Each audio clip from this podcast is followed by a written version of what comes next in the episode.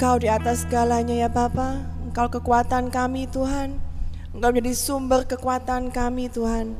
Kami percaya Tuhan, Engkau menyertai setiap langkah-langkah kami Bapa Dan kami rindu Tuhan kemuliaan-Mu dinyatakan atas tempat ini Tuhan. Kami rindu kemuliaan-Mu dinyatakan atas hidup kami Bapa. Terima kasih Bapa, mari Kau persiapkan setiap hati kami untuk kami mendengarkan firman-Mu Tuhan. Bahkan Engkau berbicara pada setiap kami, bukan dari mulut lidah hamba-Mu Tuhan, tapi Engkau sendiri yang berbicara kepada kami. Terima kasih Tuhan. Persiapkan roh, jiwa, dan tubuh kami untuk mendengarkan firman-Mu. Dan setiap benih-benih yang akan dicuri oleh iblis kami hancurkan di dalam nama Yesus Kristus. Terima kasih Tuhan. Kami siap mendengarkan firman-Mu. Di dalam nama Tuhan Yesus Kristus kami berdoa. Haleluya. Amin.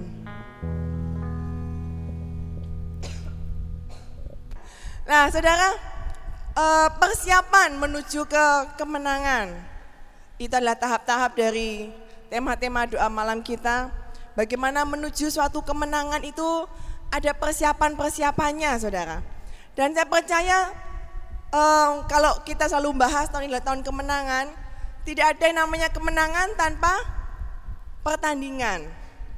Ya, tidak ada kemenangan tanpa pertandingan. Nggak ada sebuah tim menyatakan aku menang padahal belum pernah bertanding. Atau nggak ada seorang pun yang ngomong aku menang tapi belum pernah mengalami namanya suatu peperangan, saudara. Berarti sebelum kita mencapai kemenangan, atau kalau saya lihat di ini ya, uh, silsilah doa gitu ya, bulan Desember adalah puncak victory gitu ya, puncak kemenangan gitu. Nah, bagaimana sebelum kita mencapai puncak kemenangan, bulan-bulan inilah kita mempersiapkan bagaimana kita mencapai kemenangan itu, saudara. Dan sebelum mencapai kemenangan, harus ada namanya apa? Peperangan. Amin. Sudah siap peperangan saudara? Halo, shalom. Saudara, ya memang hawa-hawa peperangan sudah kelihatan ya mungkin ya hari-hari ini. Sebelum kita mendapatkan kemenangan, pertama tema hari ini bersihkan dirimu ya. Tapi sebelum ke sana, memang ini benar-benar peperangan. Sebelum ke sana kita harus benar-benar persiapkan diri kita saudara. Ya hari Minggu kemarin sekilas cerita ya sama Koniki ya kita pulang-pulang pesta. Ternyata sudah banyak hawa-hawa peperangan saudara. Di pesta sudah ada ya sesuatu-sesuatu gitu di sana ya. Dan ternyata ketika saya pulang ada sesuatu juga. Ya tiba-tiba ada hewan besar. Kadal besar di pintu rumah saya gitu ya. Jadi kami bingung menjerit dan ketakutan. Karena kadannya bukan tokek kecil, tapi satu lengan, saudara ya. Kadannya satu lengan, jadi sangat apa? Kadal besar ya, saya nggak tahu namanya biawak atau apa. Saya kan tidak tahu jenis kadal-kadalan. Yang jelas memang itu seperti, waduh ini seperti, ya saya sih biasa, tapi itu pertanda yang menakutkan menurut saya. Jadi sejak malam itu ya mulai kita berdoa mengurapi rumah kembali dan berjaga-jaga jangan sampai ada ular masuk atau apa gitu ya. Yang jelas kita harus berjaga-jaga. Dan dalam persiapan itu saudara, sebelum ke peperangan um, melihat perjalanan Yosua saudara, sebelum dia mencapai tanah Kanaan, mendapatkan suatu kemenangan, memperoleh janji Tuhan, puncak kemenangan itu ketika dia menduduki tanah Kanaan. Apa step-step yang dia lakukan saudara? Nah kita lihat dalam kitab Yosua pasal yang pertama. Yosua pasal yang pertama, kalau kita lihat itu ada perjalanan Yosua mendapatkan tanah Kanaan. Dan di sana ayat yang pertama itu panjang sekali, kita bisa baca, tidak usah semuanya. Ayat yang kedua, hambaku Musa telah mati, Sebab itu bersiaplah sekarang, seberangilah sungai Yordan ini, engkau dan seluruh bangsa ini menuju negeri yang akan kuberikan kepada mereka, kepada orang Israel itu. Setiap tempat yang akan diinjak oleh telapak kakimu, kuberikan kepadamu, seperti yang telah kujanjikan kepada Musa. Ayat yang kelima, seorang pun tidak akan dapat bertahan menghadapi engkau seumur hidupmu, seperti aku menyertai Musa, demikianlah aku menyertai engkau. Aku tidak akan membiarkan engkau dan tidak akan meninggalkan engkau. Itulah janji-janji Tuhan kepada bangsa Israel, saudara. Dan petuah-petuah Tuhan berikan kepada Yosua selaku pemimpin di tempat itu. Kuatkan dan teguhkanlah hatimu, sebab engkaulah yang akan memimpin bangsa ini memiliki negeri yang kujanjikan dengan bersumpah kepada nenek moyang mereka untuk diberikan kepada mereka. Tujuh, hanya kuatkan dan teguhkanlah hatimu dengan sungguh-sungguh bertindaklah hati-hati sesuai dengan seluruh hukum yang telah kuperintahkan kepadamu oleh hambaku Musa Janganlah menyimpang ke kanan atau ke kiri, supaya engkau beruntung ke mana pun engkau pergi. Janganlah lupa memperkatakan kitab Taurat ini, tetapi renungkanlah itu siang dan malam, supaya engkau bertindak hati-hati sesuai dengan segala yang tertulis di dalamnya. Sebab dengan demikian, perjalananmu akan berhasil dan engkau akan beruntung. Ayat yang ke-9, Bukankah telah kuperintahkan kepadamu, kuatkan dan teguhkanlah hatimu, janganlah kecut dan tawar hati, Sebab Tuhan Allahmu menyertai engkau ke mana pun engkau pergi. Nah saudara, Tuhan memberikan janji yang luar biasa kepada bangsa Israel. ya Dipimpin oleh Yosua ketika Musa telah meninggal dunia, pemimpin digantikan oleh Yosua dan diberikan janji yang luar biasa. Bahkan Musa pun tidak bisa menduduki kemenangan, menduduki tanah Kanaan. Tapi lewat Yosua, Tuhan memberikan janji yang luar biasa, yaitu kemenangan menduduki sebuah tanah perjanjian Tuhan. Dan di sini apa yang dikatakan? Bersiaplah menyeberangi sungai Yordan. Sungai Yordan adalah sungai yang sangat besar, yang mungkin susah dilalui. Bahkan di sini kalau kita lihat dilalui itu selama tiga hari perjalanan mungkin ya. Menyeberangi karena sungainya sangat besar, deras sekali alirannya. Sehingga membutuhkan satu strategi untuk menyeberangi sungai Yordan. Nah saudara, bersiaplah ketika engkau akan menyeberangi sungai Yordan, ketika engkau mendapatkan tanah Kanaan, kemenangan dari Tuhan, akan banyak perjalanan yang akan engkau tempuh, saudara. Yang pertama adalah menyeberangi sungai Yordan. Bagaimana persiapan sebelum kita menyeberangi sungai Yordan, saudara? Janji-janji Tuhan, kita harus selalu ingat kalau kita mendapatkan janji Tuhan, ingatlah ketika engkau akan menghadapi peperangan, ingatlah janji Tuhan yang ada di sana, jauh di depan sana, saudara. Ya, bahwa janji Tuhan itu sungguh luar biasa. Setiap tanah yang akan kau injak akan menjadi milikmu. Dulu saya sangat um, sangat berkesan dengan ayat ini ya. Setiap tanah yang akan kau injak akan menjadi milikmu. Ini dalam konsep peperangan rohani saudara, dalam kita menduduki tanah perjanjian. Setiap tanah yang kau injak akan menjadi milikmu. Kalau engkau benar-benar meyakini dengan penuh kuasa, ini akan sungguh-sungguh luar biasa. Dulu ketika saya doa keliling, ya waktu di Tuban, saya berasal dari Tuban. Ketika saya doa keliling, saya ambil ayat firman itu, ayat firman Tuhan ini sebagai peperangan, kunci pedang gitu ya. Saya ambil, setiap tanah yang akan kuinjak akan menjadi milikku. Ya, jadi setiap kita keliling, kita doakan tempat ini, ini menjadi milikku, ini menjadi milikku gitu ya. Nah kalau kita sekarang mau ini ya, mau beli rumah ya, di sini kan lagi hotnya mau beli rumah gitu ya. Siap tanah aku injak jadi milikku, ah, kita jadi kaya kalau seperti itu ya. Ini maksudnya bukan seperti itu, tapi akan kita duduki sebagai tanah kekuasaan kita. Banyak jiwa-jiwa akan dimenangkan dari sana. Akan jadi kebangunan rohani yang besar saudara. Siap tanah yang akan kau injak akan menjadi milikmu. Dari situ apa yang dikatakan Tuhan kepada Yosua dari padang gurun dan gunung Libanon di sebelah sana dan sampai sana sampai sana intinya sangat luas. Itu kemenangan yang Tuhan akan berikan kepada kita, ya. Sebelum kita menghadapi peperangan, sebelum kita mendapatkan kemenangan, pikirkan bahwa janji Tuhan terhadap kemenangan di dalam kehidupan kita pribadi maupun kemenangan kehidupan keluarga kita kemenangan untuk gereja kita, saudara. Pikirkan bahwa itu akan terjadi. Itu janji Tuhan buat kita. Ya, apa persiapan-persiapan? Kemenangan apa yang Tuhan berikan? Seorang pun tidak akan dapat bertahan menghadapi engkau seumur hidupmu. Artinya apa? Kita akan memiliki kuasa yang besar Seorang pun tidak akan bertahan menghadapi engkau. Bukan karena karena engkau saking cerewetnya gitu ya, nggak tahan dengar gitu ya ocehannya. Tapi tidak akan bertahan menghadapi engkau karena engkau penuh dengan kuasa. Engkau penuh dengan kemuliaan Tuhan. Sehingga nggak ada seorang pun yang bisa menghadapi engkau. Ini janji Tuhan, kemenangan-kemenangan yang Tuhan akan berikan kepada kita. Tuhan menjanjikan ini ya penyertaannya. Aku tidak akan membiarkan engkau dan tidak akan meninggalkan engkau.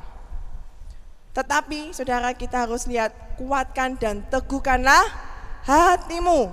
Sampai beberapa kali Tuhan menyebutkan kuatkan dan teguhkanlah hatimu. Kuatkan dan teguhkanlah hatimu. Karena perjalanan menuju kemenangan itu tidaklah mudah. Amin saudara. Kuatkan dan teguhkanlah hatimu. Artinya apa? Ketika engkau berjalan mencapai kemenangan, saya percaya itu tidak mudah dan pasti ada yang namanya lika-liku perjalanan. Ada yang namanya hambatan-hambatan, ada yang peperangan, ada yang mungkin kau bisa kalah di tengah jalan. Tetapi firman Tuhan berkata, kuatkan dan teguhkanlah hatimu. Perjalanan bulan-bulan kita ke depan, menuju tahun-tahun perjanjian Tuhan. Kuatkan dan teguhkanlah hatimu. Jangan cepat menyerah.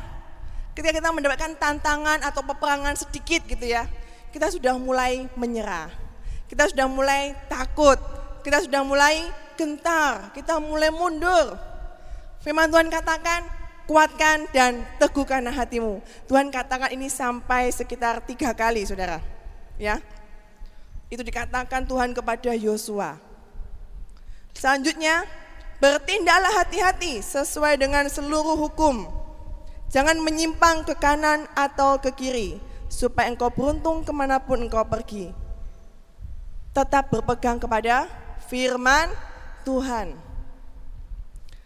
Ya, selanjutnya saudara, saya akan bahas bahwa ketika kita disuruh Tuhan, ya, diberikan tanah perjanjian oleh Tuhan menuju kemenangan. Langkah pertama tadi apa?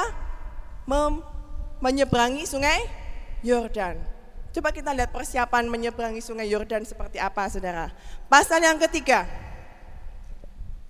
Menyeberangi sungai Yordan ini adalah mulai perjalanan untuk melangkah. Ya, saya katakan ini perjalanan iman mereka juga ketika mereka menyeberangi sungai Yordan. Yosua bangun pagi-pagi dan selanjutnya selanjutnya sampai akhirnya Yosua berkata ayat yang kelima apa persiapan mereka sebelum mereka melangkah sampai akhirnya mereka bisa menduduki uh, mengalahkan Yeriko dan kota-kota lain ya di Kanaan saudara yang pertama Yosua katakan kepada bangsa itu apa kuduskanlah dirimu sebab besok Tuhan akan melakukan perbuatan yang ajaib di antara kamu. Saudara, ketika sebelum Yosua memerintahkan mereka untuk melangkah, kalau pasal yang pertama itu Yosua baru mendapatkan janji-janji Tuhan. Ya, diberikan petuah-petuah sama Tuhan, perintah-perintah, nasihat. Yosua, ini janjiku padamu.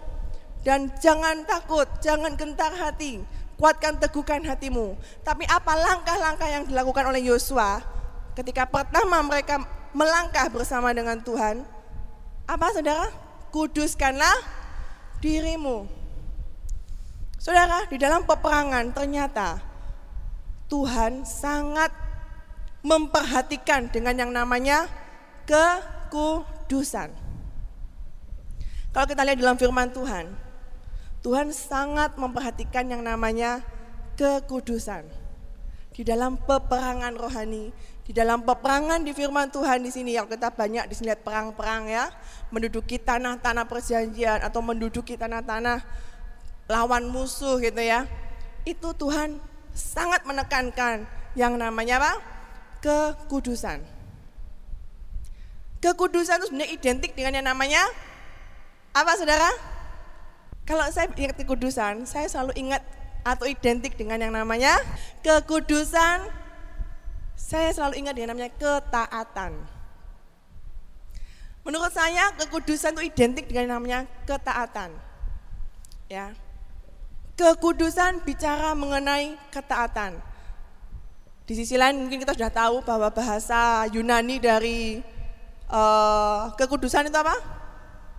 Tadi saya baca-baca sekilas ada bahasa Yunaninya hagios gitu ya, yang artinya dipisahkan dari dunia ya, tak tambah dewe dunia gitu ya.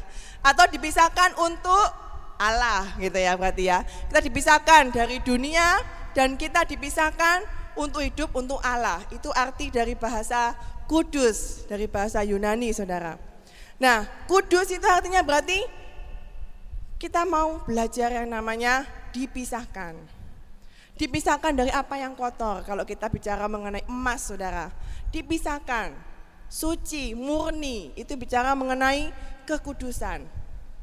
Nah saudara sebelum mencapai peperangan, sebelum kita mendapatkan kemenangan, sebelum kita melangkah saudara. Awal-awal bulan ini saudara kita masih bulan-bulan uh, awal di tahun ini. Yang pertama firman Tuhan mau katakan bersihkan diri kita. Saudara tanpa kekudusan, kita nggak akan pernah memperoleh namanya kemenangan. Tanpa ketaatan, kita nggak akan pernah yang namanya memperoleh kemenangan, saudara. Adam dan Hawa, ya, mereka hidup di dalam ketidaktaatan. Walaupun mereka memiliki iman dekat dengan Tuhan, mereka merasa masih bisa dekat dengan Tuhan waktu itu, tetapi ketika mereka sedikit aja mereka nggak taat, mereka hidupnya sebenarnya sudah mati, saudara. Ketidaktaatan. Betapa pentingnya namanya kekudusan di dalam kekristenan. Kekudusan berbicara mengenai banyak hal, saudara. Apalagi kalau kita di dalam peperangan. Yang namanya kudus itu kita harus berjalan lurus sesuai dengan firman Tuhan. Ya, kalau dalam bahasa peperangannya, peperangan rohani dikatakan kalau kita perang itu jangan buka celah. Ya. Tahu artinya Saudara? Ya, yang ini yang depan-depan tahu ya, buka celah gitu ya. Celah itu apa sih gitu ya? Celah itu apa? Lobang. Itu lobang kecil. Kalau misal kita punya sebuah balon, Ya, kita punya sebuah balon tiup. Kalau misalnya ada celah sedikit, kira-kira apa yang terjadi? Lama-lama akan mungkin kempes, kempes gitu ya. Kempes, kempes dan lama-lama akhirnya menyusut. Ya, itulah yang namanya celah, Saudara. Di dalam kita perjalanan kita mencapai kemenangan, firman Tuhan katakan, jaga kekudusan, jangan buka celah. Saya pun diingatkan gitu ya, tidak boleh buka celah. Saya kembali kembali lagi pada yang namanya peperangan rohani karena saya dulu juga sering gitu ya ikut dalam peperangan rohani. Jangan buka celah. Ah, celah itu apa aja sih? Celah itu bisa bicara banyak hal, saudara. Ya, kekudusan ini nggak bicara secara luas tuh kita kita bicara kekudusan tuh misalnya oh ya kalau pacaran nggak boleh macam-macam bukan gitu toh ya kekudusan itu ya. Atau oh nggak boleh berbuat cabul memang nggak boleh ya. Oh nggak boleh lihat nonton nonton film aneh-aneh nggak boleh memang. Tapi kekudusan itu bukan hanya berarti seperti itu. Kekudusan itu meliputi seluruh aspek kehidupan kita. Dalam hal yang sekecil apa pun itu menjaga kekudusan saudara itu ketika engkau menjaga kekudusan, itu artinya engkau tidak buka celah. Artinya menjaga kekudusan itu sebenarnya identik juga dengan kita tidak berbuat dosa. Dan ini sulit ya. Saya percaya ini juga mungkin pergumulan buat kita Saudara. Tapi itu harus kita lakukan. Mungkin kadang kita mungkin sempat kita gagal, tapi kita harus sadar, oh iya, aku tidak boleh buka celah. Ketika engkau marah, itu sudah buka celah loh saudara. Ya, hal-hal yang kecil-kecil. Nah, kita harus yang langkah pertama yaitu kekudusan. Kuduskanlah dirimu. Ini juga untuk saya juga, saya juga harus diingatkan terus jangan buka celah. Tidak boleh marah, tidak boleh ngomong macam-macam ya, ngomel-ngomel gitu ya. Ini ngomongin saya sendiri ya. Kemudian nama lagi, nggak boleh pikiran macam-macam gitu ya. Nggak boleh, pokoknya nggak boleh buka celah. Hati-hati saudara, ketika kita buka celah, ya di alam roh iblis tuh punya, bayangkan ya, kalau kita tuh um, sebuah rumah gitu ya, kok tertutup semua, semua dikunci, itu artinya kita tidak buka celah. Orang mau masuk, hewan mau masuk, nggak bisa. Tapi kok buka celah itu berarti ada lubang. Dan lubang itu akan dimasuki oleh kuasa kegelapan untuk bisa menguasai kita, saudara. Nah ini yang namanya peperangan. Kalau tahun ini dikatakan tahun kemenangan yang besar, pasti ada peperangannya juga besar. Dan ini kita pasti mungkin akan alami saudara. Karena itu persiapan yang pertama, jangan buka celah. Ya, hiduplah sesuai dengan firman Tuhan. Dikuduskan, kuduskanlah dirimu. Firman Tuhan katakan saudara, kita lihat 1 Petrus 1 ayat yang ke-13. Sebab itu siapkanlah akal budimu, waspadalah dan letakkanlah pengharapanmu seluruhnya atas kasih karunia yang dianugerahkan kepadamu pada waktu pernyataan Yesus Kristus. 14. Hiduplah sebagai anak-anak yang taat dan jangan turuti hawa nafsu yang menguasai kamu pada waktu kebodohanmu. Tetapi hendaklah kamu menjadi kudus di dalam seluruh hidupmu, sama seperti Dia yang kudus yang telah memanggil kamu. Sebab ada tertulis, kuduslah kamu sebab aku kudus. Ayat yang ke-14 saudara hiduplah sebagai anak-anak yang taat. Belajar taat saudara. Ya, ketaatan itu sangat penting. Itu adalah cikal bakal yang namanya atau identik dengan namanya kekudusan. Kalau engkau tidak pernah bisa taat saudara, engkau nggak akan pernah bisa hidup kudus. Kita harus belajar taat. Karena itu firman Tuhan di kitab Yosua tadi katakan, jangan menyimpang ke kanan atau ke kiri. Ikutlah sesuai dengan firman Tuhan. Itu adalah dasar dari kekudusan. Adam dan Hawa, dia jatuh dalam dosa. Mereka hidup tidak kudus karena apa? Ketidaktaatan. Karena mereka makan buah pengetahuan baik dan buruk. Karena ketidaktaatan, saudara. Kita harus melihat kekudusan itu adalah standar Tuhan yang biasa sebenarnya. Ya, sering kali kita menganggap bahwa kekudusan, ya, itu adalah standar Tuhan yang sulit dilakukan kadang. Kita selalu menilai kekudusan sebagai standar-standar yang susah dilakukan. Tapi sebenarnya kita bisa, walaupun memang kadang sulit. Tapi sebenarnya kita bisa seharusnya.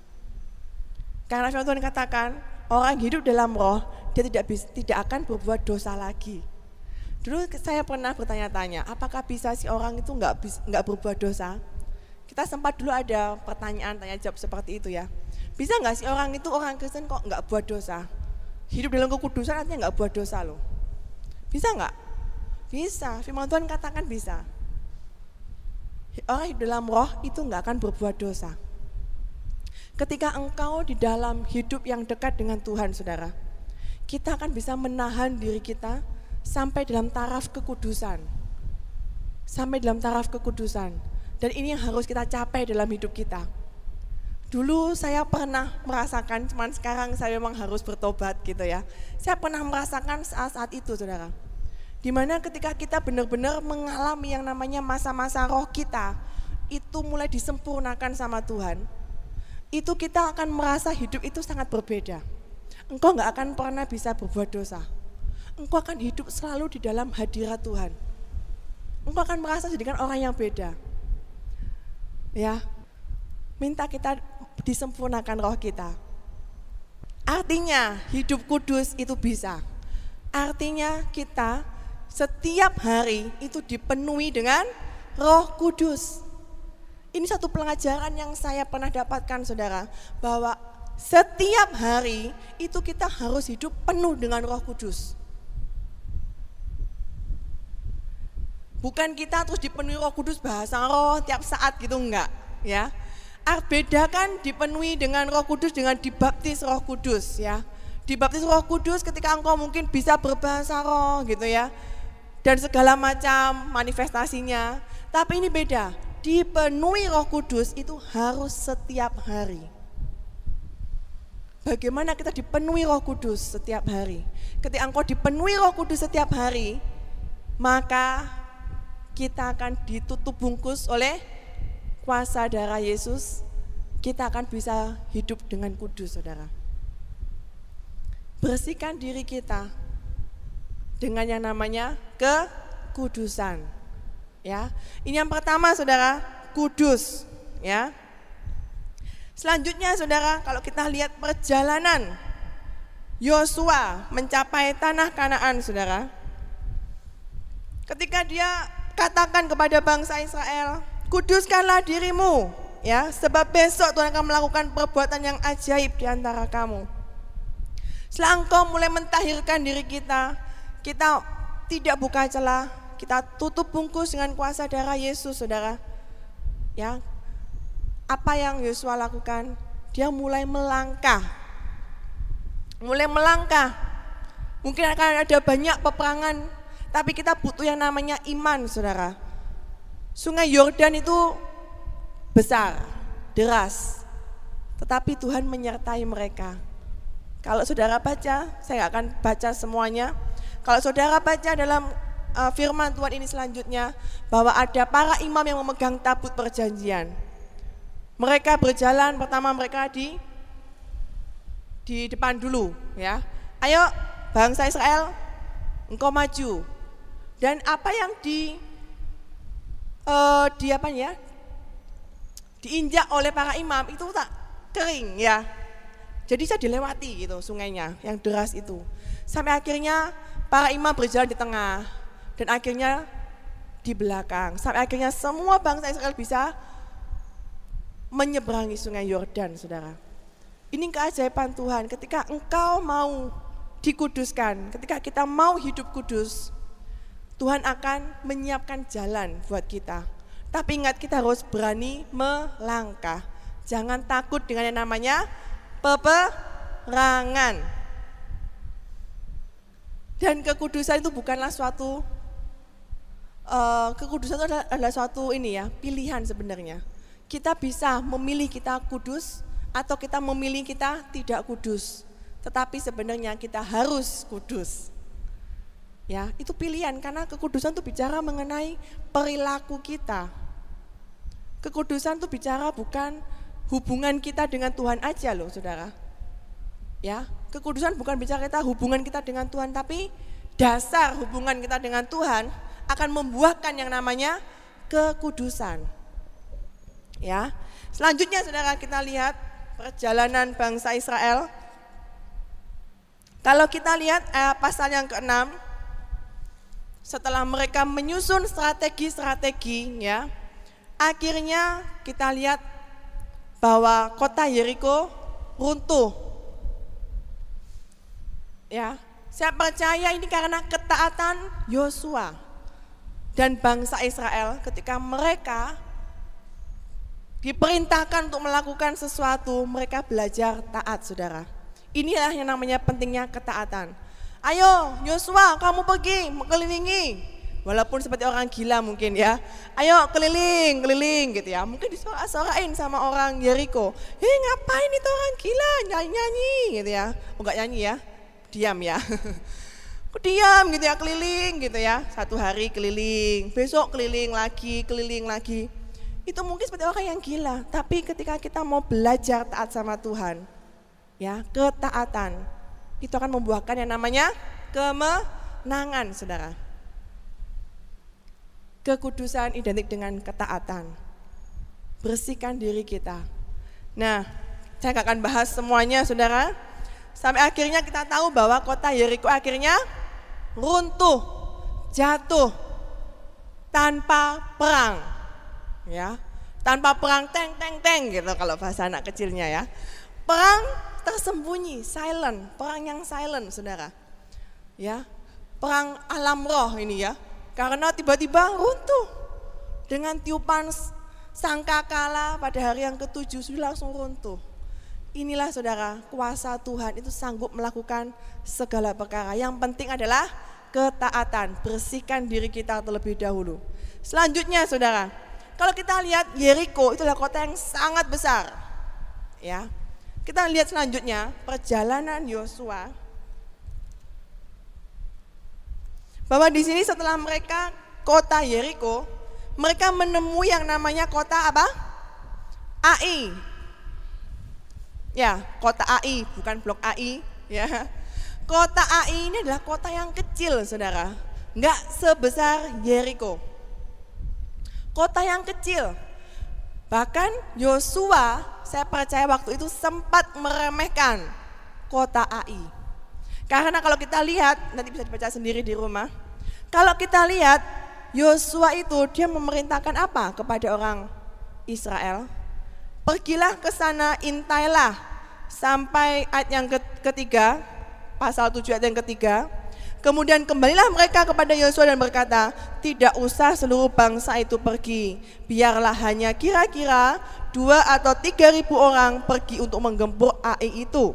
Jangan kau susahkan seluruh bangsa itu dengan berjalan ke sana, sebab orang-orang di sana sedikit saja. Artinya apa saudara? Kota Yeriko itu besar. Ya, Wah, oh Yeriko yang besar aja sudah bisa kita kalahkan. Apa kota AI yang kecil? Kita loh banyak segini, kita kita gempurkan, kita mengerahkan semua kekuatan, kita menyanyiakan ya kekuatan kita. Mending di mana-mana aja, sedikit aja. Suruh perang menggembur AI, pasti AI kalah. Ya. Akhirnya Yosua melihat pengintainya ngomong gitu, oh iya betul betul ya. Mending sedikit aja udah, 2000 3000 aja yang pergi. Akhirnya apa Saudara? Kalah. Ya. Akhirnya orang Israel kalah. Dan Yosua menangis di hadapan Tuhan, Tuhan, masakan aku bisa mengalahkan Yeriko? Ayo kota sekecil ini nggak bisa. Masakan engkau akan mempermalukan namamu. Dan Tuhan berkata apa? Kenapa engkau bisa kalah padahal itu kota kecil? Karena ada yang namanya ketidakkudusan.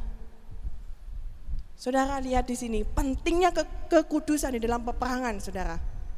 Ya, apa Saudara ketidakkudusan dalam bangsa Israel? Kalau kita lihat di sini, ya, ayat pasal yang ketujuh ayat yang pertama. Ini flashback ya. Tetapi orang Israel berubah setia dengan mengambil barang-barang yang dikhususkan itu karena Akan bin Karmi bin Sabdi bin Serah dari suku Yehuda mengambil sesuatu barang yang dikhususkan itu. Lalu bangkitlah murka Tuhan terhadap orang Israel. Dalam peperangan saudara itu tidak boleh ada suatu barang-barang yang diambil ya barang-barang yang memang tidak boleh diambil dalam peperangan itu nggak boleh diambil artinya harus dihanguskan tapi akan ini adalah orang yang tamak eman waduh ini barangnya bagus-bagus. Ternaknya mungkin gemuk-gemuk eman kalau dibasmi semua. Tak simpan aja ah. Atau emas-emasnya ini tak simpan aja. Dan Tuhan tahu itu saudara. Akhirnya walaupun peperangannya itu sebenarnya mudah, tetapi karena ada salah satu, coba saudara lihat di sini, ini sebenarnya hukum peperangan juga. Kita jemaat Tuhan ini adalah satu kesatuan. Ya, bangsa Israel ini nggak semuanya loh yang berubah setia, nggak semuanya loh dia ambil, nggak semua pasukannya loh yang ambil apa ini emas-emas yang ini ya berharga. Cuman satu orang, hanya akan saja yang ngambil tetapi akhirnya nama bangsa Israel yang dipermalukan. Kalah menyerang bangsa AI, saudara. Ini berbicara mengenai kesatuan kita dalam jemaat. Ketidakkudusan satu orang sebenarnya berpengaruh terhadap gereja Tuhan, saudara. Karena itu kita harus sama-sama menjaga ya benteng kita, benteng gereja kita dalam peperangan. Karena peperangan itu nggak cuma satu orang, ini kita bicara benteng gereja CMC. Kita masing-masing orang tuh bentuk benteng kita masing-masing. Ya, tutup bungkus gitu semuanya. Nah, Saudara, akhirnya apa? Akan ini pertama nggak mau ngaku. Sampai akhirnya Yosua berkata, ada satu orang dari bangsa Israel yang sudah berubah setia mengambil barang yang dikhususkan. Akhirnya akan mengaku, saudara akan mengaku dan akibatnya dia harus dibakar bersama barang-barangnya. Ya, dia ngaku iya emannya gitu ya. Dia ngomong apa ini? Ayat yang ke-20 pasal 7 ayat yang ke-20 akan menjawab Yosua katanya, Benar, akulah yang berbuat dosa terhadap Tuhan, Allah Israel, sebab beginilah perbuatanku. Aku melihat di antara barang-barang jarahan itu jubah yang indah, buatan sinear, dan 200 sikal perak, sebatang emas yang 50 sikal beratnya. Aku mengingininya. Maka aku ambil, semuanya itu disembunyikan di dalam kemahku dalam tanah, dan perak itu di bawah sekali. Ini saudara, satu orang yang mengambil, getahnya kena di seluruh bangsa Israel. Akhirnya mereka dibakar, dilontari dengan batu, akhirnya di, dibunuh gitu ya. Mungkin kalau kita nggak separah itu ya. Cuman yang namanya ketidakkudusan itu harus dibasmi saudara. Ya, karena akan membawa celah yang besar bagi bangsa itu. Dan akhirnya kau tahu saudara, ayat yang ke-8 nggak usah kita baca semua. Setelah ketidakkudusan itu dibuang, setelah ada kemurnian, akhirnya AI dibinasakan. Akhirnya AI dikalahkan. Akhirnya bangsa Israel mendapatkan kemenangan, Saudara. Kalau kita pelajari dari kisah-kisah ini, Saudara, betapa pentingnya yang namanya kekudusan bagi kita. Sebelum kita men, me, melangkah dalam peperangan yang lebih lanjut saudara, banyak peperangan-peperangan mungkin dalam diri kita ya. Kita ngomong peperangan rohani nggak usah bicara yang muluk-muluk, ketemu sama setan gitu ya. Ketemu sama setan wajah dua, berkuku taring atau apa gitu saudara. Mungkin ada yang seperti itu kalau sudah tingkat tinggi ya. Ada mungkin beberapa orang yang akan tirwannya Jos di sebelahnya gitu tiba-tiba muncul gitu ada mungkin ya. Ya, Jos. Ya. ada misalnya iblis menyamar sebagai Jos gitu ya. Beli bakso tiba-tiba diberikan padamu ternyata bukan Jos gitu ya. Nah, mungkin peperangan-peperangan bisa mulai tingkat tinggi seperti itu, tapi ada peperangan-peperangan kecil yang mungkin akan kita alami sebelum kita mencapai kemenangan demi kemenangan bersama Tuhan, Saudara ya kalahkan terlebih diri kita. Sebelum kita menang di dalam peperangan kita secara korporat, menangkan terlebih dahulu peperangan kita. Apa peperangan yang paling besar dalam diri kita, saudara? Mungkin kita memerangi ketakutan kita, kita mungkin memerangi kekhawatiran kita, memerangi mungkin engkau jatuh bangun terus dalam dosa-dosa itu terus gitu ya. Kita masing-masing punya peperangan pribadi kita. Nah itu yang Tuhan kepingin kita menangkan terlebih dahulu. Jangan buka celah, kuduskan diri kita, menangkan peperangan diri kita terlebih dahulu sebelum kita mencapai kemenangan yang besar secara korporat. Saya percaya ketika kita mendapatkan kemenangan yang besar secara korporat itu akan luar biasa saudara. Akan ada suatu kehidupan yang penuh kemenangan gitu ya, saya nggak bisa bayangkan. Tapi kita rindukan itu terjadi di kemudian hari. Ya. Dan kita rindukan kemenangan itu berdampak. Kita rindukan kebangunan rohani buat Indonesia. Kita rindukan lawatan ya. Kita rindukan yang namanya kemuliaan Tuhan dinyatakan dari gereja ini, dari tempat lain. Kita rindu dampak yang besar buat orang lain, saudara. Itulah kemenangan-kemenangan yang Tuhan akan berikan kepada kita. Terlebih dahulu bersihkan diri kita. Kuduskan dirimu. Sebab besok Tuhan akan melakukan perbuatan yang ajaib di antara kamu. Amin. Amin. Kita akan berdoa. Haleluya Tuhan, terima kasih Bapa. Engkau Allah yang sungguh luar biasa Tuhan. Mari Bapa, Engkau sudah berbicara kepada setiap kami. Engkau rindu Tuhan setiap kami menjaga setiap kekudusan kami ya Bapa. Kami rindu Tuhan disempurnakan hari tiap hari. Kami rindu Tuhan.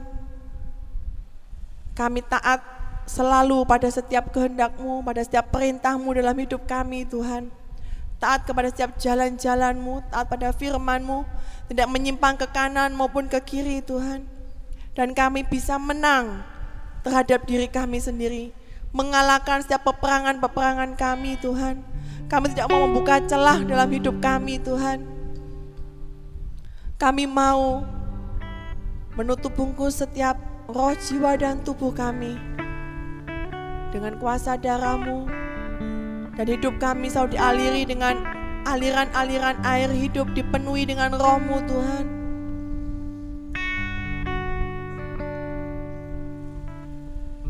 Sempurnakanlah roh kami Tuhan. Akan kami hidup sesuai dengan kehendakmu Tuhan.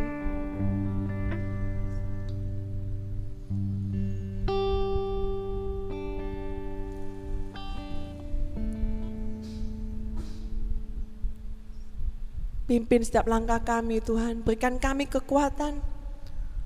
Kuatkan dan teguhkanlah hatimu. Sebelum kau menjalani peperangan, kuatkan dan teguhkanlah hatimu. Jangan gentar dan jangan takut. Sebab Tuhan akan berikan kemenangan kepada kita.